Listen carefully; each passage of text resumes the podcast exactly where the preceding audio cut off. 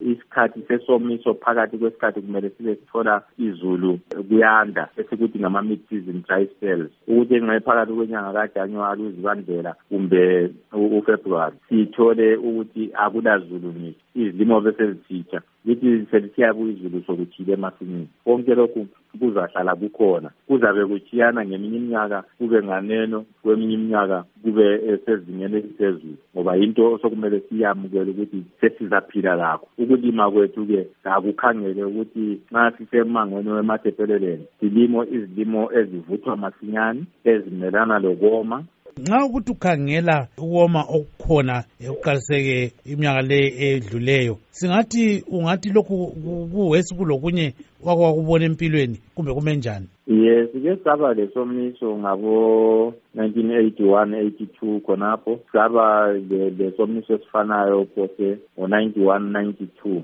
le minyaka leyana o-2007 2008 kuke kwaba le ndlala enkulu phose ligoqele ilizwe lonke. Kuyabe kulokhu kusivakatshela nje cause ngemva kweminyaka emine emihlanu siyaba lesomiso esiphezulu. Kube sokusihlupha nje ukuthi kwesinye isikhathi iminyaka endlala ibisilandelana ibe mbili ibe mthathu lapho-ke kusuka kudale ubunzima ngoba amandla okuthi sisukume aba malutshwana kanti-ke kungaba ngumnyaka owodwa hhayi uyakhube kuvuke masinyane. Kodwa ingalandelani ibe mbili ibe mthathu lingane ukuthi izulu. Ugcina kuyukuthi impahla yonke ebesilayo ithi silahlekele. Ikakhulu ungasifelwa izifuyo. Lokuswelakala kokudla kwesinye isikhathi kugcina kusenza ukuthi uyagcina usuthengisa ikhuba lakho olima ngalo kumbe uthengisa impahla eyinye eqakathekileyo ekuphileni kwakho. Usuzama ukuthi uvale isikhala esesivulekile ngokuswelakala kokudla.